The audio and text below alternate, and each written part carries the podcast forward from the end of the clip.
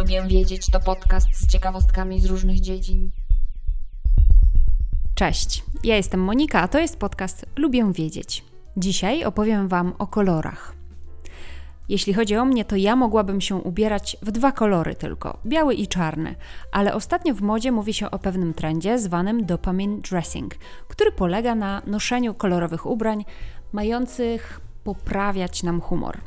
Ja na ten trend trafiłam u naczelnej kolorystki Instagrama, czyli Basi z profilu Ciao Basia. Link do jej profilu znajdziecie w notatkach do dzisiejszego odcinka. Basia sama ubiera się bardzo kolorowo i do tego samego zachęca innych.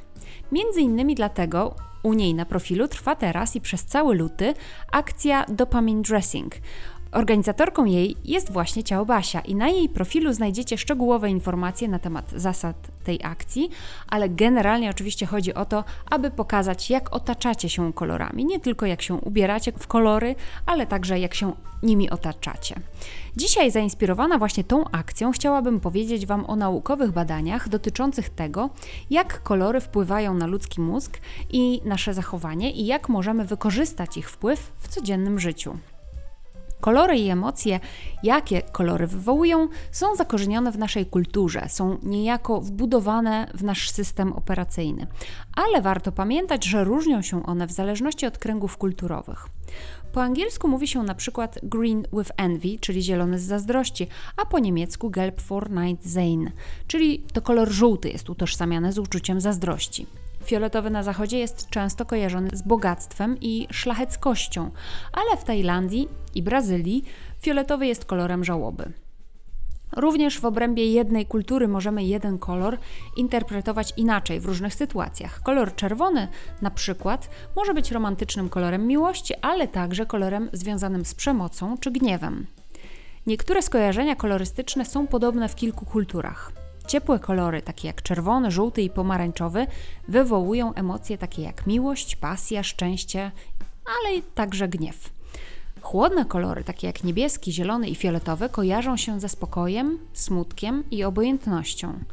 Kolory mogą wyzwalać te stany pobudzenia i różnego rodzaju emocje, a te reakcje na różne kolory są wykorzystywane w najróżniejszych dziedzinach życia w urządzaniu wnętrz, w modzie, gastronomii, marketingu, a nawet w farmaceutyce. Są na przykład takie badania, które wskazują na wpływ koloru farby stosowanej w biurach na nastrój i wydajność przebywających w nich osób. Znalazłam wyniki badań z 2009 roku, które mówią, że kolor niebieski i czerwony mogą poprawić wydajność pracy i zwiększyć kreatywność. To badanie wykazało, że kolor czerwony jest najskuteczniejszy w zwracaniu naszej uwagi na szczegóły, a kolor niebieski najlepiej pobudza naszą zdolność do kreatywnego myślenia. Jak to sprawdzono? W latach 2007-2008 naukowcy sprawdzali wyniki ponad 600 uczestników w sześciu zadaniach, które wymagały albo skupienia się na szczegółach, albo na kreatywności. Większość eksperymentów przeprowadzono na komputerach z ekranem, który był czerwony, niebieski lub biały. Kolor czerwony o 31% polepszył wyniki uczestników w zadaniach zorientowanych na szczegóły, jak na przykład przypominanie sobie czegoś czy poprawianie błędów w porównaniu do koloru niebieskiego. A z kolei w przypadku zadań kreatywnych, tu podano przykłady burzy mózgów, niebieski kolor stymulował uczestników w ten sposób, że stworzyli oni dwukrotnie większą liczbę kreatywnych odpowiedzi niż na monitorze koloru czerwonego. Tu warto podkreślić, że są to zachowania wyuczone, nabyte, a nie wrodzone. Więc może się tak zdarzyć, że konkretne jednostki wolą pracować w skupieniu w otoczeniu koloru niebieskiego lub zupełnie innych kolorów. Jednak większość osób ma kulturowo wyuczone zachowania i skojarzenia z pewnymi kolorami. Tak właśnie, kolor czerwony kojarzy nam się na przykład ze znakami stopu, pojazdami ratowniczymi czy z poprawianiem błędów przez nauczycieli kolorem czerwonym. Dlatego ten kolor ma dla nas związek z niebezpieczeństwem, z błędami i z byciem ostrożnym. Z neurobiologicznego punktu widzenia czerwone znaki ostrzegawcze to doskonały zabieg. W naszym mózgu większość komórek odpowiedzialnych za widzenie kolorów jest nastawiona na reagowanie na kolor czerwony właśnie. Dlatego czerwień bardziej przyciąga naszą uwagę i możemy szybciej zareagować na czerwony sygnał. Te czerwone znaki ostrzegawcze, czerwony kolor pojazdów Straży Pożarnej i czerwony kolor, którym nauczyciel poprawiał nasze błędy w szkole, sprawia, że podświadomie w otoczeniu koloru czerwonego jesteśmy bardziej czujni, a co za tym idzie, wykonujemy zadania z większą skrupulatnością i uwagą, a więc wykonujemy je po prostu lepiej. Z kolei błękit kojarzy się z niebem czy z wodą i wiążemy ten kolor z poczuciem wolności, przyjemności czy też spokoju, a to sprzyja swobodnemu i abstrakcyjnemu myśleniu. Te skojarzenia są także wykorzystywane w marketingu, nie tylko w urządzaniu wnętrz czy biur. Jeśli producent chce zwrócić uwagę klienta na jakieś szczególne cechy, to używa koloru czerwonego, a jeśli chce się odwołać do abstrakcyjnego myślenia klienta, to korzysta z koloru niebieskiego. Ciekawe badania dotyczą także kolorów naczyń, bo okazuje się, że potrafią one wzmocnić smak i aromat. Naukowcy z Politechniki w Walencji i z Uniwersytetu Oksfordzkiego przeprowadzili eksperyment, w którym 57 uczestników musiało ocenić próbki gorącej czekolady podanej w czterech różnych kubkach. Kubki były tego samego rozmiaru, ale różniły się kolorami. Był kubek biały, kremowy, czerwony i pomarańczowy. W środku wszystkie były białe. Wyniki badania zostały opublikowane w Journal of Sensory Studies i wykazały, że smak czekolady podawanej w pomarańczowych lub kremowych kubeczkach bardziej odpowiadał badanym. W tym samym artykule zestawiono wnioski z wcześniejszych badań, które również potwierdzają wpływ koloru naczynia na odbiór jedzenia lub picia.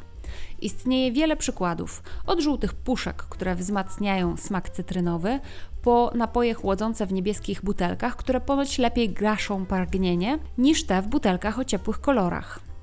Jeśli opakowanie napoju jest różowe, to wydaje się on być bardziej słodki w porównaniu z tym w innym kolorze opakowania. W innych przypadkach wykazano, że mus truskawkowy wydaje się być słodszy i bardziej intensywny w smaku na białym talerzu niż na czarnym talerzu. A jeśli chodzi o kawę, większość ankietowanych kojarzy brązowe opakowanie z silniejszym smakiem i aromatem, a błękitny i żółty kolor opakowania sprawiają, że napój wydaje się bardziej łagodny. Fascynujące jest to, że nawet kolor leków, np. tabletek, ma znaczenie. Pigułki czerwone, żółte i pomarańczowe kojarzą się z działaniem pobudzającym, niebieski, zielony i fioletowy z efektami odprężającymi. Wiele tabletek przeciwbólowych ma kolor czerwony lub pomarańczowy, ponieważ ten kolor kojarzy się z siłą i szybkością działania, więc używany jest przez producentów leków Forte, Max, które mają działać szybciej i lepiej zwalczać ból. Jeśli chodzi o sprawę ubrań, w której ciało Basia, czyli moja dzisiejsza inspiracja, bryluje, to też jest kilka ciekawych badań w tej dziedzinie. Kolor ubrania danej osoby wpływa na to, jakie atrybuty i cechy z nią łączymy. To też jest wpływ kulturowy, oczywiście. Ten wpływ kolorów może się różnić ze względu na różnice kulturowe, wydarzenia historyczne, a nawet politykę. Często czerń kojarzy się z władzą, siłą, autorytetem. Na przykład weźmy tu ubiór księży, czarne pasy w karate, ale także czerń jest utożsamiana ze złem i z przemocą. Było takie badanie, w którym po analizie statystyk meczów hokejowych okazało się, że drużyny sportowe w czarnych strojach otrzymały więcej kar, a kibicom bardziej się kojarzą z agresywnymi zachowaniami w porównaniu do innych drużyn. W innych badaniach wyniki jasno wykazały, że czarny i czerwony kolor ubrań utożsamiany był z większą atrakcyjnością osoby i postrzegano osoby w nie ubrane jako szczuplejsze w porównaniu do tych samych osób ubranych w inne kolory. W szczególności kobiety ubrane w kolor czerwony w porównaniu z innymi kolorami były często oceniane jako bardziej atrakcyjne seksualnie przez mężczyzn. Co ciekawe, kobiety same podświadomie wybierają kolor czerwony zdecydowanie częściej w trakcie swojego okresu płodnego. Na to też są wyniki badań i też do nich znajdziecie link w notatkach do dzisiejszego odcinka. Zielony i szary kolor ubrań wpływał na to, że osoby w nie ubrane postrzegane były jako większe i grubsze. Wszystko to jednak zależy także od odcienia skóry. Istotny dla tych wyników badań był kontrast pomiędzy kolorem ubrań a odcieniem skóry. Powszechnie wiadomo, że kolor ma istotny, zależny od kontekstu wpływ na szereg funkcji psychologicznych człowieka, takich jak emocje, poznanie, zachowanie.